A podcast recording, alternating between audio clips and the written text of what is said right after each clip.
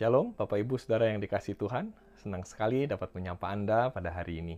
Damai sejahtera, sukacita, kasih karunia Tuhan Yesus Kristus menyertai setiap Bapak Ibu Saudara sekalian.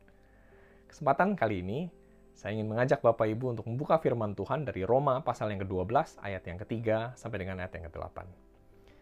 Berdasarkan kasih karunia yang dianugerahkan kepadaku, aku berkata kepada setiap orang di antara kamu, Janganlah kamu memikirkan hal-hal yang lebih tinggi daripada yang patut kamu pikirkan, tetapi hendaklah kamu berpikir begitu rupa, sehingga kamu menguasai diri menurut ukuran iman yang dikaruniakan Allah kepada kamu masing-masing.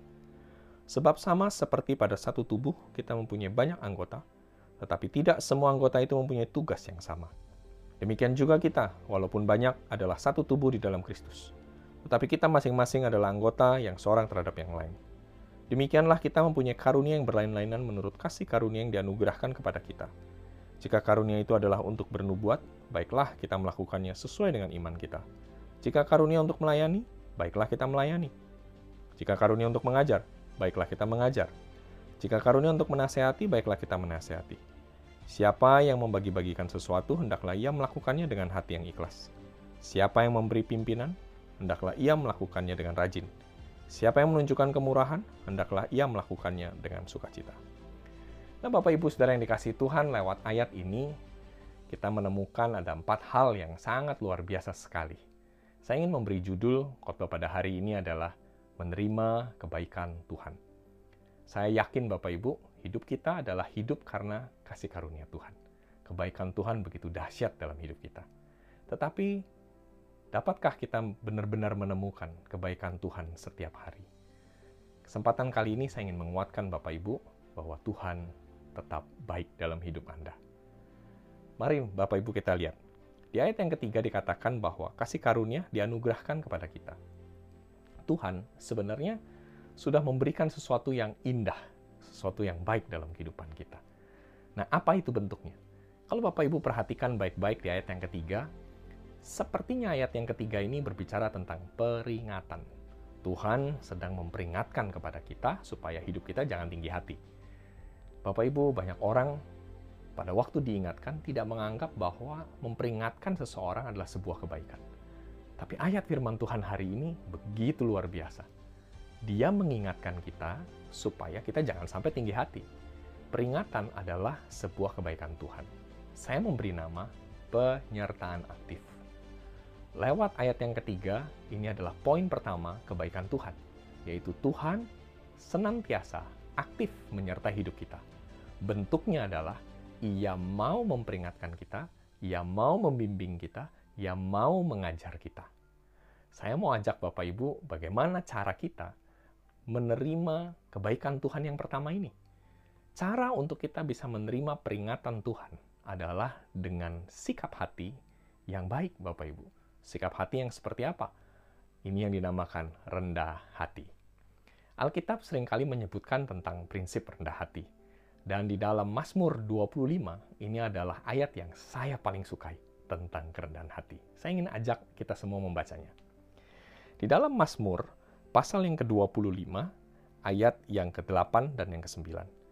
Tuhan itu baik dan benar, sebab ia menunjukkan jalan kepada orang yang sesat ia membimbing orang-orang yang rendah hati menurut hukum, dan ia mengajarkan jalan-jalannya kepada orang yang rendah hati. Bapak Ibu, untuk kita bisa menerima kebaikan Tuhan yang pertama, kita butuh kerendahan hati. Kerendahan hati artinya apa? Kita merelakan diri kita untuk diajar, merelakan diri kita untuk dibimbing sama Tuhan. Orang yang rendah hati akan ditinggikan Tuhan. Bukankah itu kebaikan Tuhan dalam hidup kita? Nah, tapi kita sering kali menganggap waktu ditegur, waktu diperingati sama Tuhan, kita nggak menganggap itu sebagai sebuah kebaikan. Nah, saya berharap Bapak Ibu menerima pesan ini dan terus-menerus menyadari bahwa bentuk Tuhan memberikan kebaikan kepada kita semua adalah dengan cara memberikan teguran dalam hidup kita. Tegurannya bentuknya apa? Bentuknya lewat firman Tuhan. Orang yang rendah hati punya satu ciri Bapak Ibu, yaitu apa? Punya keterbukaan. Terbuka terhadap apa? Terbuka terhadap firmannya. Kalau kita nggak pernah mau terbuka sama firman, tentu kita akan sulit sekali punya sikap rendah hati Bapak Ibu. Nah, apakah hari ini sampai dengan saat ini Bapak Ibu masih terus terbuka sama firman Tuhan? Mari Bapak Ibu kita evaluasi. Jangan-jangan kita banyak mendengar, tapi kita tidak mau melakukannya. Waktu kita tidak mau melakukannya, sebenarnya kita bukanlah orang yang rendah hati, Bapak Ibu. Hal yang kedua, ada kebaikan Tuhan yang kedua. Di ayat yang sama, di dalam Roma pasal 12 ayat yang ketiga, saya ingin bukakan dari versi yang lain, Bapak Ibu. Versi yang saya maksudkan adalah adalah versi dari uh, The Message, Bapak Ibu. Di dalam versi The Message, Roma 12 ayat yang ketiga ini punya satu kandungan dituliskan di situ adalah tentang goodness. Jadi dinyatakan bahwa hidup kita adalah hidup karena kebaikan Tuhan. Bukan kita yang memberikan kebaikan kepada Tuhan, tapi Tuhanlah yang sudah memberikan dulu kepada kita kebaikan. Di dalam versi English Standard Version, di situ dikasih judul Gift of Grace, hadiah kasih karunia. Nah, bentuknya apa Bapak Ibu hadiah dari kasih karunia ini? Waktu saya pelajari kembali Bapak Ibu di dalam versi Modified Indonesian Lateral Translation, saya menemukan apa yang dimaksud gift of grace di sini. Di sini ditulis begini, Sebab melalui anugerah yang diberikan kepadaku, aku berkata kepada setiap orang yang ada di antara kamu, agar tidak berpikir di atas yang seharusnya dipikirkan, melainkan agar benar-benar berpikir jernih sebagaimana Allah telah membagikan ukuran iman kepada tiap-tiap orang. Saya ingin menggarisbawahi kata jernih, berpikir jernih. Kebaikan yang kedua adalah bagaimana Tuhan membasuh hidup kita, membersihkan hidup kita. Jadi kasih karunia menolong kita supaya kita hidupnya bersih, Bapak Ibu. Nah, apa yang harus kita lakukan Bapak Ibu? Respon seperti apa supaya kita bisa menerima yang namanya pembersihan ini atau sikap hati yang jernih ini Bapak Ibu. Bapak Ibu, kalau kita sedang um, mengecat rumah, mengecat tembok Bapak Ibu, mungkin kita akan menemukan ada bagian-bagian yang retak, ada bagian-bagian yang mungkin bolong Bapak Ibu. Lalu apa yang harus kita lakukan? Apakah kita langsung bisa menumpuknya dengan cat? Tidak Bapak Ibu. Kita harus membongkar, kita harus mengupas semua lapisan cat yang lama, dan kita menimbunnya Bapak Ibu. Istilah orang Jawanya bilang dilabur kembali, dikasih kapur supaya dia ditumpuk dan kemudian dibentuk lagi Bapak Ibu, diluruskan, dipersihkan, diputihkan, baru bisa ditumpuk dengan cat yang sesuai dengan warna yang kita inginkan. Nah Bapak Ibu, proses labur ini adalah proses yang sangat alkitabiah sekali Tuhan rindu supaya kita setiap saat mengalami proses yang namanya dibersihkan, dimurnikan, disucikan. Bagaimana cara kita mengalami proses penjernihan atau pembersihan ini Bapak Ibu? Di dalam 1 Yohanes 1 ayat yang ke-9 memberikan satu jalan yang sangat jelas sekali yang mungkin kita sering kali dengar, tetapi kita jarang sekali lakukan. Mari kita lihat apa ya itu. Di dalam 1 Yohanes 1 ayat yang ke-9 firman Tuhan berkata, jika kita mengakui dosa-dosa kita, Ia adalah setia dan adil untuk mengampuni dosa-dosa kita dan untuk membersihkan kita dari semua kejahatan. Saya mengambil kutipan ini dari versi Alkitab terbuka. Bapak Ibu, kalau kita mendengar ayat ini, jelas sekali kalimatnya dikatakan mengaku dosa. Ia mengampuni dan ia menyucikan kita. Kita mengalami kebaikan Tuhan dalam bentuk pembersihan, penyucian, kalau ada pengakuan dosa.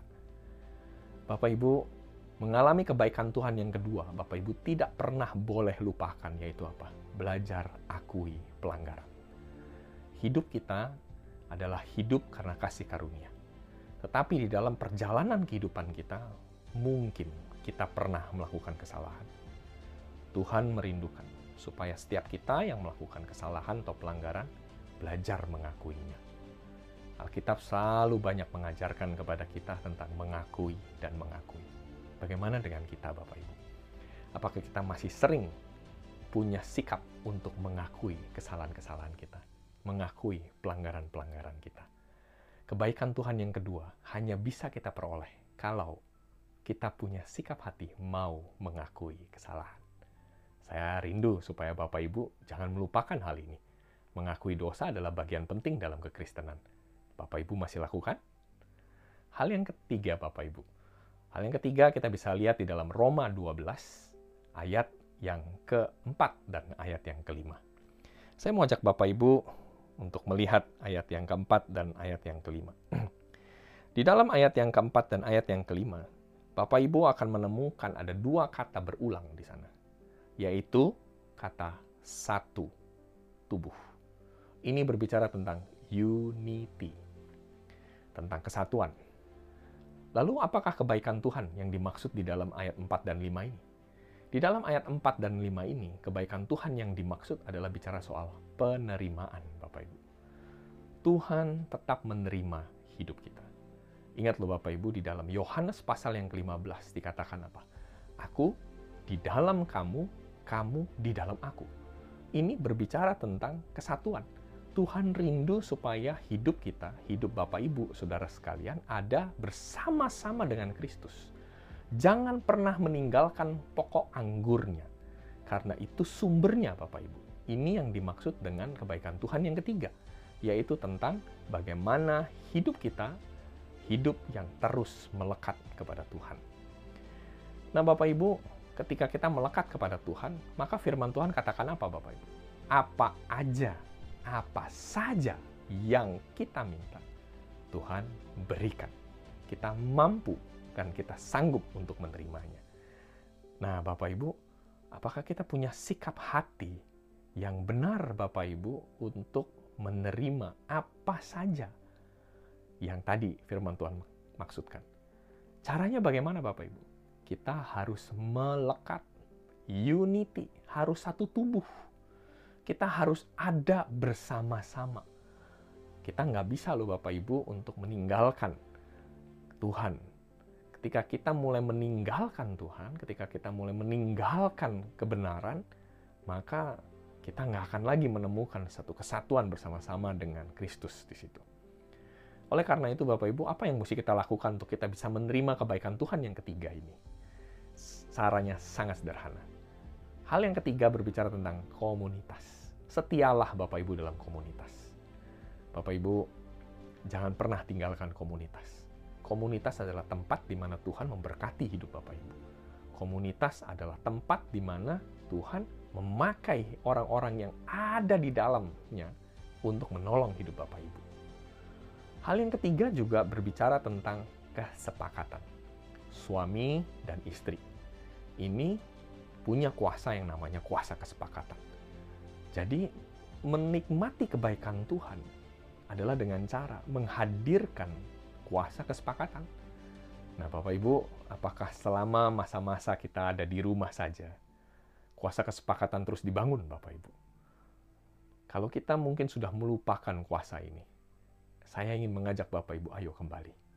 Ayo rasakan kembali orang yang ada di dalam kesepakatan menerima sukacita yang besar, Bapak Ibu Jangan pernah Bapak Ibu tinggalkan komunitas, jangan pernah Bapak Ibu tinggalkan kesepakatan bersama-sama dengan orang yang ada di dalam rumah Bapak Ibu. Anak-anak dengan orang tua, suami dengan istri, istri dengan suami. Jadi kita mari Bapak Ibu kita bangun kembali ini Bapak Ibu ya. Dengan cara kita membangun ini, kita menerima kebaikan Tuhan yang utuh Bapak Ibu. Hal yang terakhir Bapak Ibu, Mari kita lihat di dalam Roma 12 ayat yang ke-6 sampai dengan ayat yang ke-8. Bapak Ibu akan menemukan ada begitu banyak hal di dalam Roma pasal 12 ayat yang ke-6 sampai dengan yang ke-8. Tadi kita mendengar kata demikianlah kita mempunyai karunia yang berlain-lainan menurut kasih karunia yang dianugerahkan kepada kita. Setelah itu mulai dibahas tentang karunia-karunia. Apa yang mau saya sampaikan di poin yang keempat ini? Kebaikan Tuhan yang keempat ini berbicara tentang sukacita yang sejati. Kita akan dapat menerima sukacita yang sejati karena kita sadar betul Bapak Ibu, Tuhan sudah menganugerahkan karunia itu. Saya ingin mengatakan begini Bapak Ibu. Orang yang mempraktekkan atau menggunakan karunia-karunia yang Tuhan sudah berikan dalam hidupnya adalah orang yang tetap bisa menerima sukacita sejati. Orang yang melakukan karunia-karunia yang Tuhan sudah taruh dalam hidupnya adalah orang yang mampu, Bapak Ibu, mengalami kegembiraan yang begitu dahsyat dan hebat. Percayalah Bapak Ibu, hidup Bapak Ibu adalah hidup karena kasih karunia. Itu ada dalam hidup Bapak Ibu. Jadi jangan pernah bilang bahwa Anda nggak punya apa-apa. Kita ini punya apa-apa. Punya sesuatu. Punya hal yang Tuhan sudah berikan kepada kita. Alkitab jelas sekali dikatakan itu sudah diberikan kepada kita. Apa saja Bapak Ibu? Bapak Ibu akan menemukan di sini ada tujuh hal. Yang pertama tentang bernubuat Bapak Ibu. Kalau memang Bapak Ibu memiliki karunia ini, lakukan. Berikan. Bapak Ibu, saya ingat sekali setiap kali saya bersama-sama dengan kakak mentor saya, dia selalu mengambil kesempatan 1-2 menit untuk berdoa. Dan di dalam doanya selalu ada nubuatan-nubuatan. Ada peneguhan-peneguhan yang diberikan kepada hidup saya. Dan ini menguatkan saya, Bapak Ibu. Jadi Bapak Ibu, kalau Bapak Ibu memang merasa punya karunia bernubuat, lakukan Bapak Ibu. Sungguh lakukan. Ini menolong dan ini sangat memberkati banyak orang. Karunia yang berikutnya apa? Di sini dikatakan adalah melayani. Jadi Bapak Ibu kalau memang Bapak Ibu punya karunia melayani, layanilah Bapak Ibu sebanyak mungkin orang-orang yang ada di sekitar hidup Bapak Ibu. Jangan Bapak Ibu tunggu-tunggu lagi. Jangan pernah menunda Bapak Ibu untuk bisa melayani orang lain. Paling mudah adalah melayani orang yang ada di dalam rumah Bapak Ibu sendiri. Mungkin selama ada di rumah aja, kita bingung harus melakukan apa. Tapi kan kita bisa membersihkan rumah, kita bisa menolong untuk membersihkan piring-piring yang kita pakai, Bapak Ibu. Kita bisa membersihkan pakaian-pakaian kita, bisa membersihkan bagian-bagian rumah yang selama ini mungkin belum pernah terjamah dan kita akhirnya membersihkannya. Nah, Bapak Ibu, inilah yang namanya karunia melayani, Bapak Ibu. Mari lakukan itu. Hal berikutnya, Bapak Ibu, setelah melayani adalah mengajar. Kalau memang Bapak Ibu punya karunia mengajar, Bapak Ibu jangan merasa di momen seperti ini Bapak Ibu jadi kehilangan kesempatan untuk mengajar. Tidak. Hadirnya teknologi menolong Bapak Ibu untuk tetap bisa mengajar. Saya melihat ada banyak orang hari ini menggunakan teknologi untuk mengajar banyak jiwa-jiwa, mengajar orang-orang tanpa batasan apa pun. Karena teknologi mengkonekkan kita dengan banyak hal. Beberapa minggu yang lalu, saya mengundang sahabat saya dari Zimbabwe untuk connect dengan pemuritan kami. Uh, senang sekali Bapak Ibu. Kami bisa mendengar cerita tentang Zimbabwe. Dan beberapa waktu yang sebelumnya lagi, kami mengundang sahabat-sahabat dari Kanada, Bapak Ibu. Dan juga ada yang dari China, bahkan dari Wuhan kami pernah undang juga. Senang sekali rasanya Bapak Ibu dan kami bisa belajar banyak hal dari orang-orang dari berbagai negara. Jadi jangan bilang bahwa dengan kondisi seperti ini kita nggak bisa melakukan karunia pengajaran. Bisa, Bapak Ibu tetap bisa lakukan dengan teknologi. Mari Bapak Ibu, jangan pernah batasi karunia hidup Bapak Ibu karena situasi. Tapi mari gunakan itu Bapak Ibu. Karunia apa lagi? Karunia menasehati. Saya suka sekali Bapak Ibu di dalam Alkitab terbuka ditulis begini. Jika ia menghibur, baiklah memberikan penghiburan Menasehati yang dimaksud di sini adalah menghibur. Saya yakin Bapak Ibu di tengah-tengah sahabat-sahabat Bapak Ibu ada orang-orang yang perlu dihibur. Telepon Bapak Ibu. Hiburlah orang itu Bapak Ibu. Ini karunia menghibur. Apalagi Bapak Ibu, di situ dikatakan membagi-bagikan sesuatu. Di dalam Alkitab terbuka ditulis, jika ia memberi, baiklah ia memberi dalam kemurahan hati. Kalau memang Bapak Ibu merasa ada karunia di area ini, berikan Bapak Ibu. Jangan pernah tunda. Berikan. Saya yakin kemurahan hati kita akan membangkitkan sukacita yang besar. Bukan hanya orang yang menerimanya, tapi juga kita ketika kita memberi. Di situ dikatakan juga memimpin. Firman Tuhan katakan, jika memimpin, baiklah memimpin dalam kesungguhan. Wah, artinya begini loh Bapak Ibu, jangan kita udah dapat pesan kepemimpinan, tapi kita nggak lakukan lakukanlah dengan sungguh-sungguh waktu kita memimpin. Perhatikan orang-orang yang kita pimpin. Ini yang namanya memimpin dengan sungguh-sungguh. Jangan pernah mengeluh dengan orang-orang yang kita pimpin, tapi mari kita berikan yang terbaik, Bapak Ibu. Juga dikatakan tentang kemurahan. Saya suka dengan versi Modified Indonesian Literal, Literal Translation dikatakan, yang memberi kemurahan dalam kegembiraan. Wow, memberikan kemurahan dalam kegembiraan.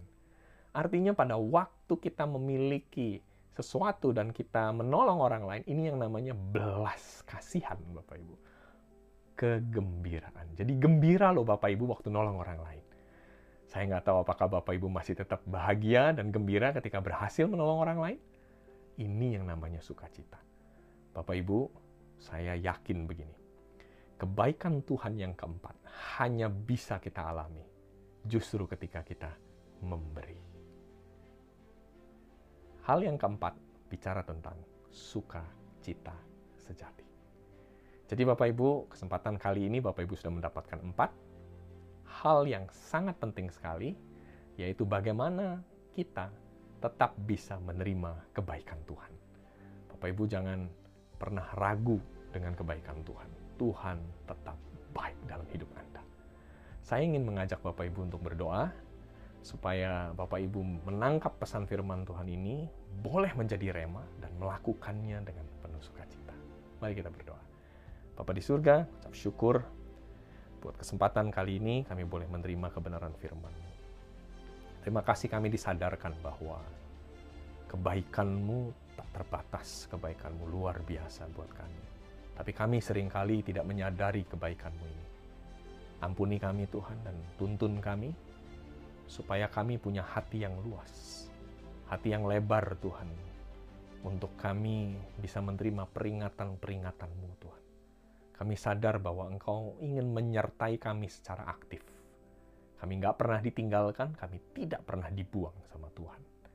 Dan yang kedua, Tuhan, kami sungguh mengucap syukur karena kami dibersihkan, disucikan. Inilah kebaikan Tuhan yang kedua, yaitu tentang pengampunan dan pembersihan. Kami mengucap syukur kami diampuni. Kami mengucap syukur kami disucikan sama Tuhan.